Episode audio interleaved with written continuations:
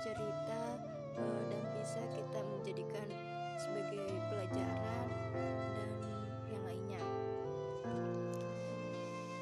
Seperti yang kita ketahui, setiap orang eh, uh, Muslim dianjurkan untuk sholat sejak kita kecil agar terbiasa mengerjakan. Seperti di mana uh, eh, sabda Rasulullah muslim untuk melakukan sholat jika ia berumur tujuh tahun eh, dan pukullah ia jika berumur sepuluh tahun yang tidak mengerjakan sholat. Nah dari sini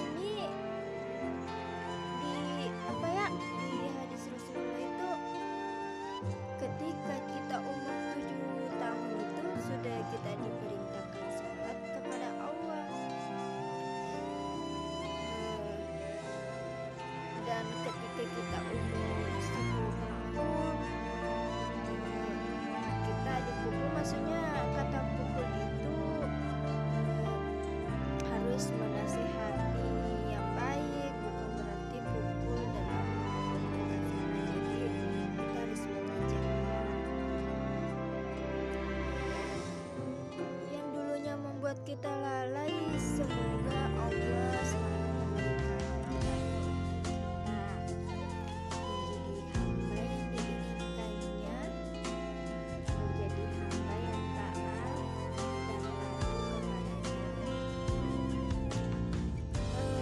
orang tua dan atasan saja kita patuh lantas mengapa yang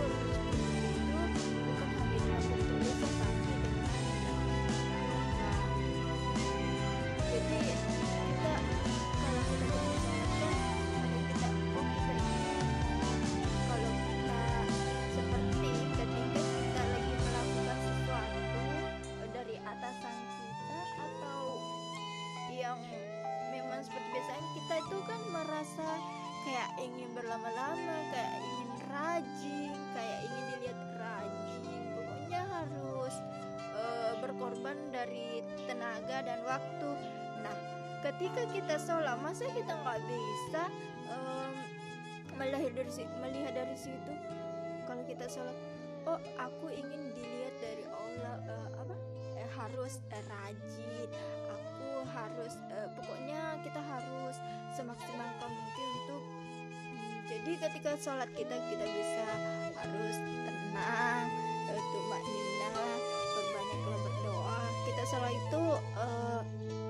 harus merasa kita butuh kepada Allah. Karena kalau kita nggak merasa butuh itu kita itu termasuk orang sombong seperti uh, yang di mana ketika dilahir ketika apa ya uh, kita tahu kan pasti kita pernah membaca di Al-Qur'an atau di mana bagaimana uh, ketika uh, iblis akan meminta tanggungan kepada Allah taala. Karena di situ dalam cerita dalam di Al-Qur'an yang bukan cerita maksudnya kan itu Al-Qur'an itu sebagai kalamu Allah firman Allah. Jadi uh, ketika jadi perbanyaklah membaca di dalam Quran, mengkaji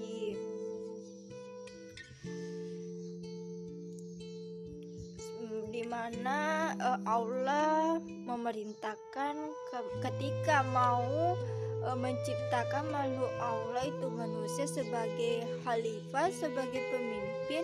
Akan tetapi uh, rasul eh rasul malaikat uh, akan ber apa semakin kayak men bukan menantang sih maksudnya dia bertanya uh, kenapa uh, Allah ingin menciptakan manusia sedangkan kami selalu uh, menyembahmu uh, menye men menyebut namamu menyuci kamu. Uh, kenapa harus menciptakan manusia yang akan nanti membuat kerusakan bumi? Kata Allah di Al-Quran uh, aku mengetahui apa yang kamu tidak ketahui. Sehingga uh, Allah memberikan uh, menyuruh kepada Adam untuk menyebutnya satu persatu yang ada di, di alam dunia ini. Uh, dari situ uh, Allah um, me, memberikan perintah kepada uh, malaikat dan iblis untuk sujud kepada Adam. Maksudnya dari sini uh, perintah uh, Allah maksudnya dari situ perintah Allah sebagai penghormatan untuk uh, menciptakan uh, makhluk yaitu manusia. Bukan berarti untuk menyembah kepada Adam ya. Jadi kita harus mengerti apa yang maksud di situ. Jadi kita harus uh, mengkaji lebih dalam lagi membaca lagi belajar lagi. Jadi uh, akan tetapi karena malaikat yang dikarunia uh, apa ya uh, maksudnya dia selalu taat kepada Allah nggak pernah bermaksiat kepada Allah nggak pernah melakukan kesalahan selalu tunduk perintah kepada Allah. Uh, dia uh, tunduk uh, pada perintah Allah yaitu sujud uh, sujud sebagai penghormatan kepada Kepada Allah untuk untuk menciptakan Adam. Sedangkan iblis itu yang kita ketahui kan dia melakukan penyimpangan yang di mana dia itu uh,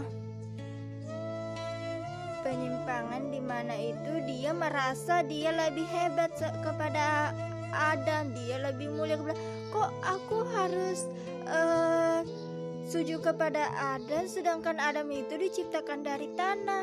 Uh, sedangkan aku diciptakan dari api. Kenapa aku pokoknya dia padahal itu kan perintah Allah. Yang perintah Allah itu kan harus kita jalani. Nggak boleh kita uh, apa bantah apa pun kita harus tunduk patuh. Nah dari situ uh, Allah melakukannya uh, Allah mengeluarkan iblis keluar dari surga karena dia dia cuma melakukan penyimpangan yang dulunya dia itu tak kepada Allah kan tetapi ketika yang dulunya dulu itu dia taat e, kepada Allah kan tetapi karena dia me, me, menciptakan makhluk e, Adam itu tapi karena iblis itu merasa dirinya itu hebat atau mulia kepada Adam sehingga dia nggak mau bersujud kepada karena dia merasa kalau dia itu mulia jadi di situlah dia melakukan penyimpa melakukan penyimpangan. Sehingga Allah mengeluarkan e, dia e, dari surga. Nah ketika e, iblis dikeluarkan dari surga uh, Adam karena dia sendiri jadi Allah menciptakan lagi Hawa untuk uh, menemaninya agar Adam itu nggak kesepian. Jadi uh, Allah uh, memerintahkan untuk te tepat tetap tinggal Adam dan surga ke Adam dan Hawa ke surga uh, hanya hanya kecuali itu nggak uh, boleh menyentuh atau dekat itu pohon huldia walahu alam.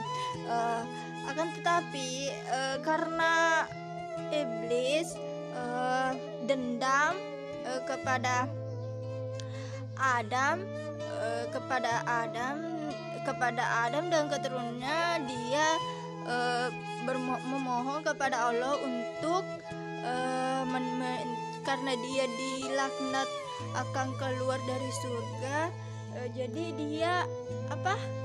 Dia itu memohon tanggungan kepada Allah.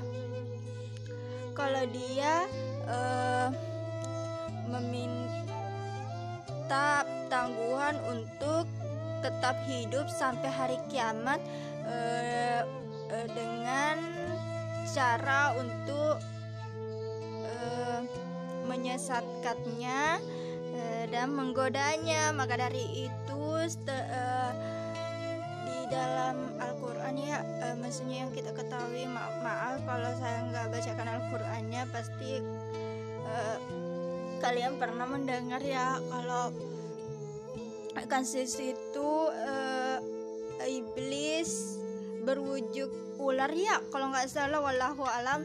Dia berwujud ular uh, dan masuk ke surga uh, dia menggoda menggoda dan menghasutkan Nabi Adam dan Hawa yaitu uh, tentang dia bilang kalau po pohon huldi itu akan kekal. E, padahal Allah kan sudah e, sudah atas kehendak Allah kan sudah um, pernah peringatkan kepada Adam dan Hawa agar tidak tidak menyentuh itu pohon akan tetapi karena memang apa iblis sudah meminta tangguhan kepada Allah dan itu dikabulkan sama Allah untuk menyesatkan Adam dan keturunannya yaitu kami semuanya makhluk yang termaksud manusia hambanya Allah e, tidak akan terlepas dari godaan dan ujian. Maka dari itu sehingga kita tidak pernah terlepas dari kesalahan dan e, tidak pernah luput dari kesalahan dan hilafan namun Allah tidak membiarkan kita begitu saja. Allah menurunkan uh, Al-Quran melalui malaikat Jibril yaitu Al-Quran kalau firman Allah uh, kepada Nabi Muhammad SAW Rasulullah kita uh, sebagai peringatan. Jadi uh, yang ingin mengikuti petunjuk yang ingin kembali kepada Allah jadi ada di Al-Quran sebagai pedoman dan petunjuk kita manusia. Jadi uh, ketika kita dapat permasalahan atau apa kita perbanyaklah baca membaca uh, banyak uh, baca di Al-Quran karena di situlah kunci dari uh, bagaimana kita akan kembali kepada Allah dengan cara yang diridonya uh, dari sini bukan berarti saya ceramah atau menasihati kalian karena namanya juga manusia ya pasti pernah melakukan kesalahan dan keilafan. E, cuma sekadar meng, saling kita saling mengingatkan karena ada banyak pernah introspeksi diri baca malah nia orang meninggalkan sholat. Dan hisap yang akan pertama nantinya e, yaitu sholat kita tidak afdol ketika introspeksi diri sudah membacanya namun tidak menyampaikannya kepada orang lain. Uh, sedangkan kita sesama muslim hambanya Allah yang saling mengingatkan ya. Uh, hanya satu musuh kita di dunia itu. Sebenarnya makhluk Allah yang melakukan penyimpangan ketika Allah yaitu ketika Allah memberikan perintah uh, kepada iblis untuk sujud Adam sebagai penghormatan namun karena iblis merasa lebih mulia daripada Adam sehingga dia tidak mau sujud. Itulah yang termasuk sombong e, dan tidak patuh perintah Allah. Sehingga akibat kesombongannya itu dia dikeluarkan dari surga. Namun karena iblis dan ke Nabi Adam yang seperti sebelumnya introspeksi ceritakan sebelumnya dia minta penangguhan sampai hari kiamat e, akan menggoda dengan cara apa pun untuk menyesatkannya Adam dan keturunannya namun kita tidak boleh takut. Allah memayukan Al-Quran kepada Rasul melalui rekat Jibril sebagai peringatan di dalam Al-Quran sebagai pedoman dan petunjuk kita ya. Untuk kepada kepada Al-Quran eh, untuk kepada Allah eh, itu ada Al-Quran itu kalau Allah firman Allah atau perkataan Allah. Perkataan Allah di sini bukan berarti eh, sama dengan makhluknya. Tidak kita perkataan Allah di sini tidak sama makhluknya. Karena Allah tidak akan ada yang menyerupai uh, apa pun dan Al-Quran uh, dan tidak ada keraguan dalamnya. Jadi, ketika kita dapat permasalahan dan ujian, solusinya ada di Al-Quran. Uh, maaf ya terlalu uh, terlalu apa? Terlalu cepat ngomongnya. Ya, di sini apa yang saya keluarkan dari mulut e, mungkin tidak mencerminkan kepribadian ya. Namun e, saya rasa itu kemarin karena aku merasa dulu atas kelelahanku sama Allah dosa-dosaku e, dan aku juga jauh dari Allah sehingga peringatan dan nasihat e, ku abaikan. Namun saya tidak berdiam begitu saja. Saya memohon kepada Allah e, bagaimana caranya untuk bisa seperti seperti dulu waktu kuliah aku masih mer, e, pernah merasakan ketenangan dalam hidup. Tapi saya juga bisa meneliti juga mungkin karena kemarin aku pernah sakit ya. E, bisa dibilang tersadar dan tersadar e, di tahun 2013 sampai 2015 aku mengalami itu antara sadar dan tidak sadar. Sehingga uh, karena aku merasa dari sebelumku sakit dan sembuh sakit itu begitu banyak perubahan dalam diriku. Yang dulunya aku pendiam sekarang aku banyak omong. Yang dulunya aku jarang marah aku pemarah. Uh, yang dulunya juga semuanya aku hanya sendiri alami dan pendangkan namun aku mengungkapkannya dan menjadi anak yang manja. Padahal waktu aku kuliah nggak kayak gini. Yang dulunya aku tidak mau pacaran dan tahun 2015 aku sembuh penyakit aku mengen dan ketika aku sembuh penyakit aku mengenal ada beberapa lagi e, lagi sebagai hanya kenalan biasa karena namun apa ya e, dari dari apa dari sembuh dari penyakit ada beberapa beberapa perubahan dalam diriku. Namun di tahun 2016 uh, aku mengenal seorang orang yang pernah aku pendami perasaanku ada beberapa alhamdulillah aku ada beberapa pelajaran aku ambil dan pengalaman yang berharga sehingga Allah uh, memberikan ujian dengan teguran keras kalau selama ini aku berada jalan yang salah, melakukan perintah Allah, aku jauh dari Allah, durhaka sama Allah. Namun setelah aku menyadari dan merenungkan semuanya apa yang pernah uh, saya lakukan, tidak ada kata terlambat untuk memperbaiki semuanya. Dan ku melangkah dan berniat untuk taat kepada Allah, walaupun aku tidak bisa menjamin sih. Tapi aku yakin dengan selalu pertolongan Allah, aku yakin Allah menolongku. Dengan begitu semuanya aku serahkan kepada Allah. Aku bertobat selalu kepada Allah tiap hari malam salatku. E, namun e, dari kita sholat ya, mm, maksudnya semakin kuat iman e, akan banyak ujian dan godaan. E, ketika kita berniat untuk melakukan hal yang baik seperti hijrah pasti ada banyak ujian ya. E, namun aku selalu diberikan ujian sama Allah aku menyadari karena aku kurang dari semuanya kurangnya sabar ikhlas bersyukur tawakal dan selalu berharap yang belum tentu itu yang terbaik untukku menurut Allah karena e, selalu mengingatnya orang itu sehingga aku berlarut dalam kesedihan dan merasakan hancur. Namun Allah Alhamdulillah aku sangat bersyukur Allah menyadarkanku lagi dengan peringatan dan pikiran. Kalau aku harus bangkit semuanya dan berserah diri kepadanya karena selama ini kurang menerima semuanya apa yang ditentukan Allah kepadaku. Namun aku sudah berdoa sama Allah dan berserah diri kepada Allah aku tidak tahu yang mana terbaik untukku aku hanya pasrah semuanya karena Allah jadi dari beberapa masalah yang ku alami, aku ingin juga mengajak kalian kembali kepada Allah. Walau bagaimanapun, kita semuanya tetap kembali kepada Allah kan. E, saya rasa juga Allah sudah menitipkanku dulu seorang yang pernah aku kenal dengan diperkenalkan e, dalam beberapa tahun. Allah selalu memberikanku kesempatan, cuma akunya aja dengan cara yang salah. Dititipkan seorang namun aku tidak menjaga amanah dengan baik. Amanah dengan ridho Allah malah aku uh, ada di murka Allah. Aku baru menyadari semuanya itu. Uh, sebenarnya Allah menitipkan menitipkan yang dititipkan aku itu kepada Allah namun semuanya dengan aku melakukan aku uh, namun semuanya dengan cara yang salah aku lakukan sehingga uh, Allah mengambil dariku karena aku tidak menjaganya dengan baik dengan ridho Allah.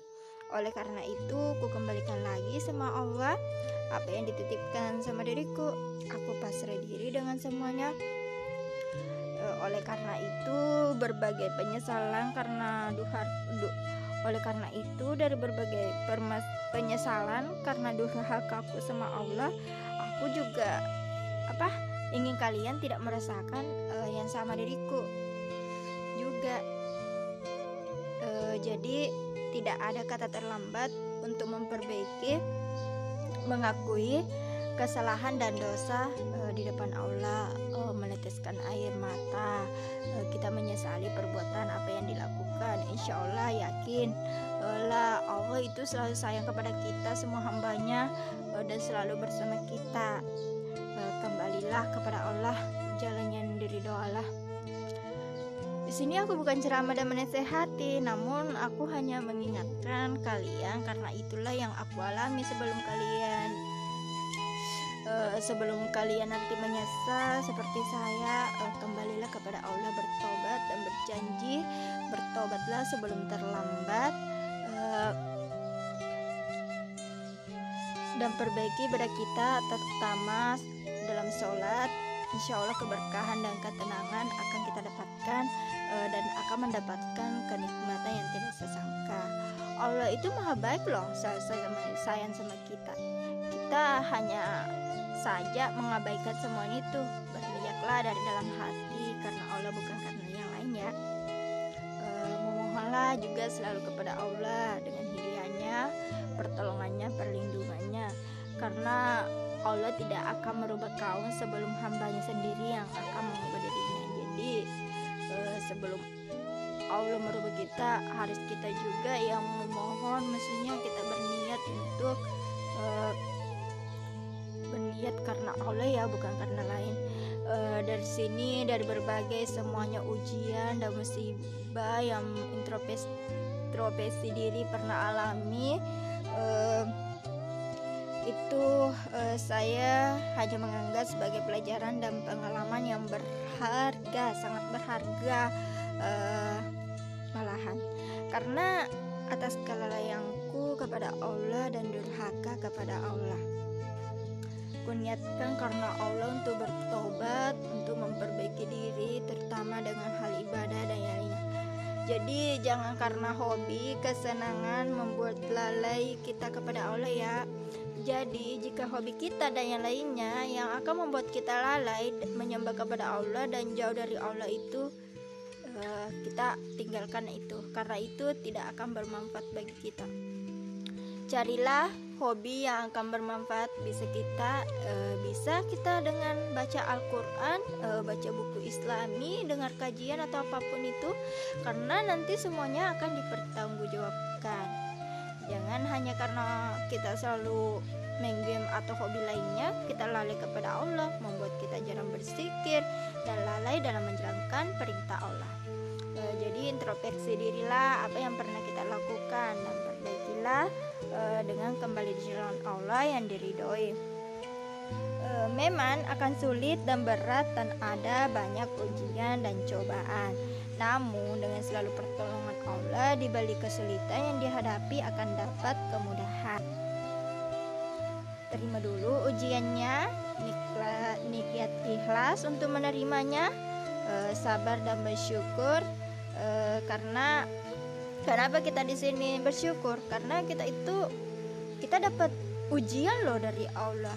Dari ujian itu kan kita bisa e, belajar dari mengambil pelajaran kita bisa meningkatkan nanti kualitas kehidupan kita e, dan bagaimana e, ketika datanya ujian lebih berat lagi tentunya kita bisa apa bisa mengambil pelajaran dari sebelum ujian-ujian sebelumnya kan? E, selain dari kita sabar bersyukur ikhlas kita juga harus berusaha bagaimana mencari solusi dengan e, namun cari solusi di sini maksud dengan jalan Allah. Ya tentunya kita sholat ya memohon pertolongan Allah karena tidak ada daya dan kekuatan kecuali datangnya pertolongan. Jadi Allah yang berikan ujian Allah juga yang berikan solusi. Jadi kita itu sebenarnya sebenarnya kita itu diberikan ujian Allah itu sayang loh dalam bentuk kasih sayang dan kita bagaimana nantinya akan menemukan ujian-ujian yang lagi kan. Seperti dalam kita mas waktu sekolah kan ketika kita mau mendapatkan tingkat dari ke tingkat SMP itu harus ujian dulu dong. Jadi bagaimana itu ujian itu bagaimana kita untuk lulus dari ujian? Pastinya dengan cara belajar. Nah dari situ juga kehidupan sama seperti itu. Hmm, selain dari kita usaha bagaimana mencari solusi dengan jalan Allah ya? Tentunya kita sholat uh, dan memohon solusi dari permasalahan yang kita alami. Dan tentunya jangan lupa kita juga ya karena doa itu sebagai kekuatan dan energi untuk kita. Dan selain kita uh, itu kita juga harus tawakal serahkan semuanya kepada Allah. Kalau ini ketentuan dari Allah dan Allah tidak akan pernah mengecewakan hambanya. Boleh jadi kita menyukai sesuatu namun itu baru bagi kita. Boleh jadi kita tidak menyukai sesuatu e, namun itu baik bagi kita. Oleh karena itu kembalikanlah semuanya kepada Allah e, dan berserah diri kepada Allah. Selain tawakal jika kita sudah dilakukan ya ikhlas uh, untuk menerimanya karena memang itu ketentuan dari Allah. Sabar dan bersyukur usaha dan doa. Semuanya kita sudah lakukan itu terakhir kita harus tawakal uh, dan menyerahkan semuanya karena Allah. Memberikan ujian karena Allah.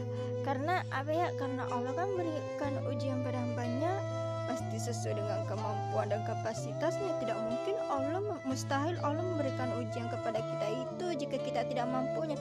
Namun dengan selalu pertolongan Allah ya. Ketahuilah perbuatan yang pernah masih kita lakukan itu uh, cuma akan menghilangkan keberkahan dalam kehidupan kita pada orang tua um, akan menghilangkan keberkahan dalam kebaikan dan rezeki.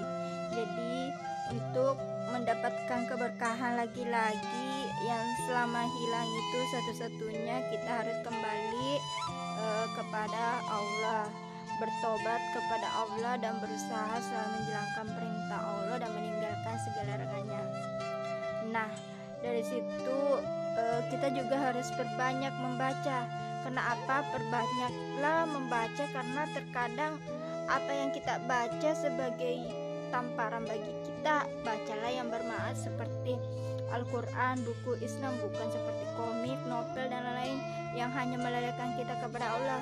Dan nontonlah uh, tayangan YouTube yang bermanfaat dan bisa membuat kita belajar dari uh, yang bisa membuat kita belajar dari apa ya daripada kita menonton hanya membuat kita berdosa lalai kepada Allah.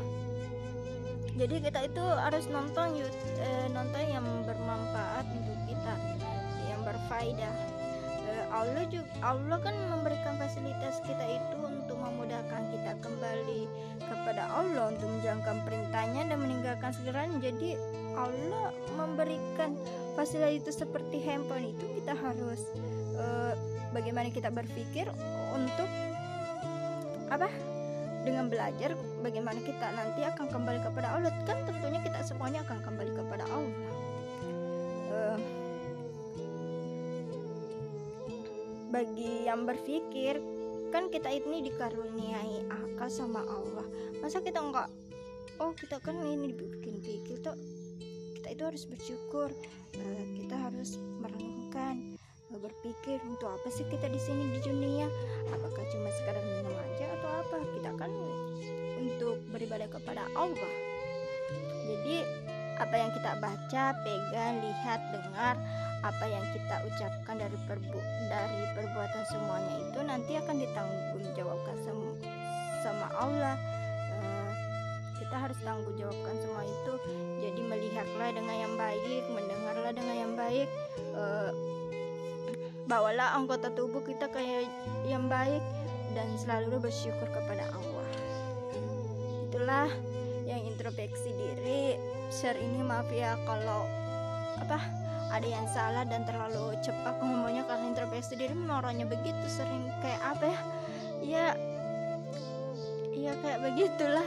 Uh, mohon maaf adakah semoga Allah selalu membuka uh, dan mendorong hati kita untuk bertobat uh, selalu berusaha menjalankan perintahnya dan meninggalkan segalanya semoga Allah selalu memberikan kesempatan dan hidayah pertolongan uh, perlindungan ilmunya juga kepada kita semua. Oke itulah saja introspeksi diri akan saya maaf ya terlalu apa terlalu cepat ngomongnya. Uh, dari postcard ini uh, oke begitu uh, introspeksi diri apa pamit undur diri dengan mengucapkan subhanallahumma bihamdik asyhadu an la ilaha illallah wa astaghfiruka wa atubu assalamualaikum warahmatullahi